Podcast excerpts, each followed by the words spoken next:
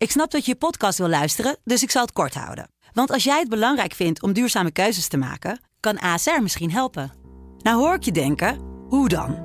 Nou, bijvoorbeeld bij het duurzaam herstellen van schade. Of de premies die we beleggen volgens ons duurzaam beleggingsbeleid. Dat bepaalt waar we wel en juist niet in investeren.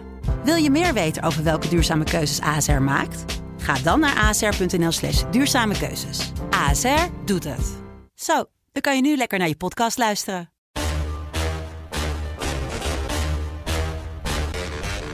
Dit is Trick Privé. De dagelijkse showbiz-update met Evert Zandgoeds en Jordi Versteegde. Ja, we hebben dus wat brieven binnengekregen naar aanleiding van gisteren. Toen wij Mensen zijn zeiden, geschrokken, hè? ja, want die denken we stoppen er helemaal mee. Nee, dat niet. Maar we gaan wel even op vakantie. Dus eh, ja, dat doen de meeste mensen. eh, Heel veel mensen natuurlijk in, het- in deze tijd van het jaar. Dus dat, eh, daar, wij zijn daar ook geen uitzondering. Ja, de, ja, maar de mensen denken echt van, ja, hallo, maar wat moet ik dan in die drie tijdens het weken? stofzuigen. Ja.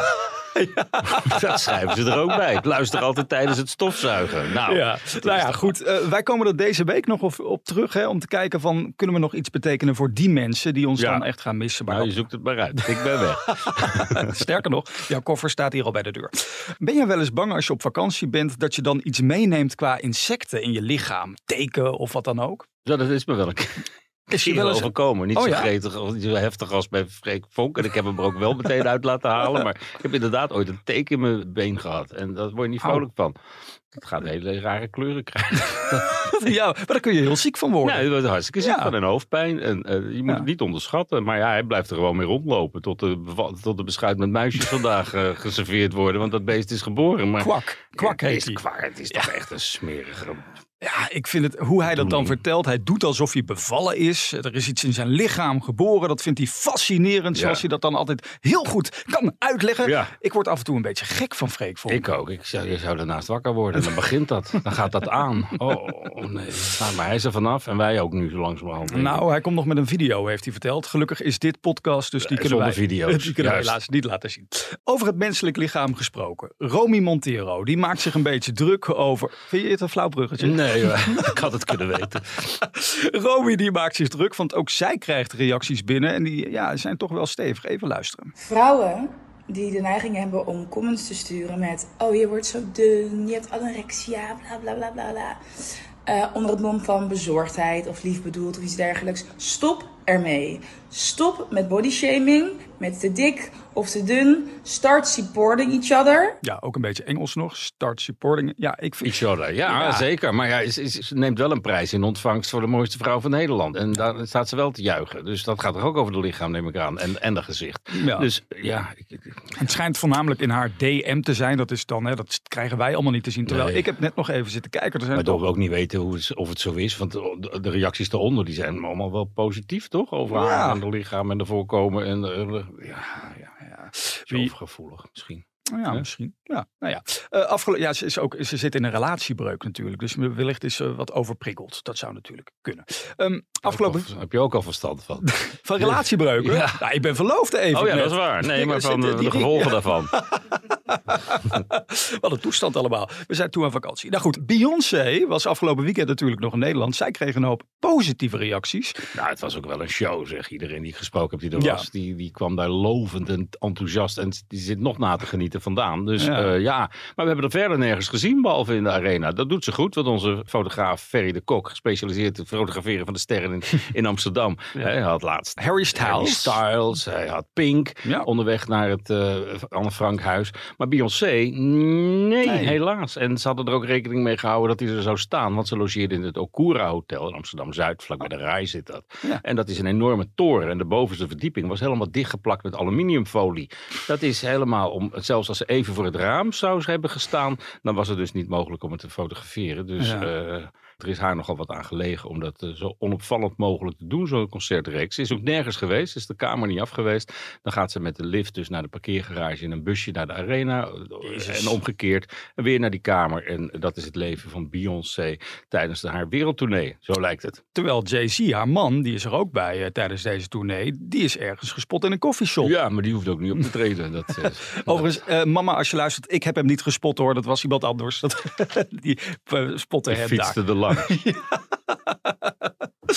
Sylvie Meis, daar wilde jij het even over hebben. Nou ja, die is behoorlijk stil. Hè? Die Damian van der Vaart, zijn droom gaat uh, in vervulling. Dat is haar zoon. En hij gaat voetballen voor Ajax. En Ja. op zich is dat wel een moment dat Sylvie ook de eh, aandacht heeft gepakt. Maar dat doet ze helemaal niet. En dat is echt omdat het het moment is van Damian. Hij heeft het zelf gepresteerd om op te vallen bij Ajax en te tekenen daar. Ja. En natuurlijk is hij hartstikke trots. En niet vergeten, ze heeft ook het ultieme offer gebracht voor de voetbalcarrière van Damian. Door hem op een gegeven moment naar zijn vader in Denemarken te laten vertrekken. Ja. Het jongetje is het grootste deel van zijn leven opgegroeid tussen de Louboutins en de tassen van Chanel.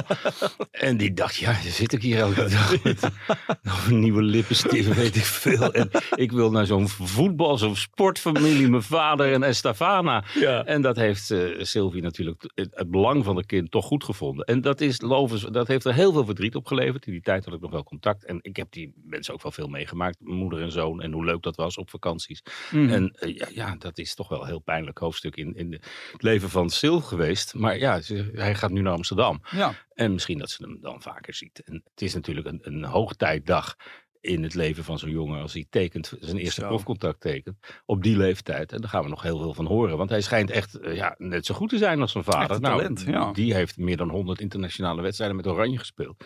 Dus dan eh, gaan we voorlopig nog wel van Damian van der Vaart horen. Maar het is toch zo dat eh, Rafael van plan was om naar Ierland te verhuizen. Naar, of in ieder geval eh, naar het land waar nu eh, Estavana aan het sporten is. Dus ik vroeg me af, van, gaat Da- ja, jij kijkt me aan. Ja, Ja, ik- dat was de andere kant op. Dat was Ja. Roemenië, toch? Roemenië was Ja. het, sorry. Ik weet, ik weet niet hoe ik erbij kwam. Maar Damian gaat dan straks alleen in Amsterdam wonen of zo? Nou Of- ja, of- daar heb je allerlei voetbalfamilies voor die, die dat soort jonge pupillen opgroeien. En, en op een gegeven moment gaat hij ook wel genoeg verdienen dat hij meteen niet op een studentenkamer hoeft te beginnen, maar meteen in een appartement. Dus dat, Ah, ja. ja. ik denk dat hij, ja, dat, dat komt allemaal wel in orde natuurlijk.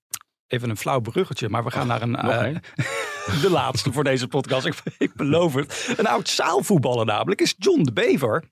Voetballer, voetballer. Ik vind het mooi. Ja. Ehm, die gaat op theatertour.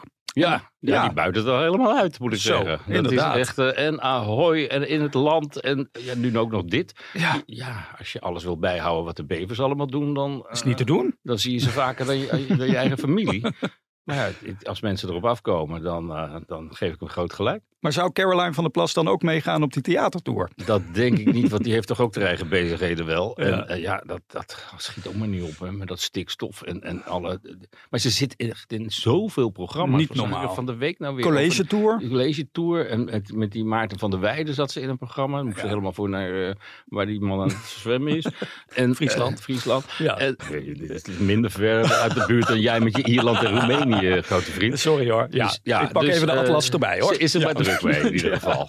En ik denk niet dat ze nog tijd heeft voor de theatertour van de Bever. Ah, wat jammer nou. Nou ja, we wensen hun alle succes erbij. Ik hoop dat er binnenkort ook weer een keer een nieuwe serie komt. Want de afgelopen serie was een beetje kort. Zes afleveringen van de Bevers. Ik dacht er komt een heel seizoen, net als de Meilontjes. Alhoewel, ja, je kan ook 18 afleveringen maken en dan wordt het wat te veel. Hè? Hebben we nu, me helemaal bij die bevers. Want Ja. ja, zoveel gebeurt er nou ook niet in.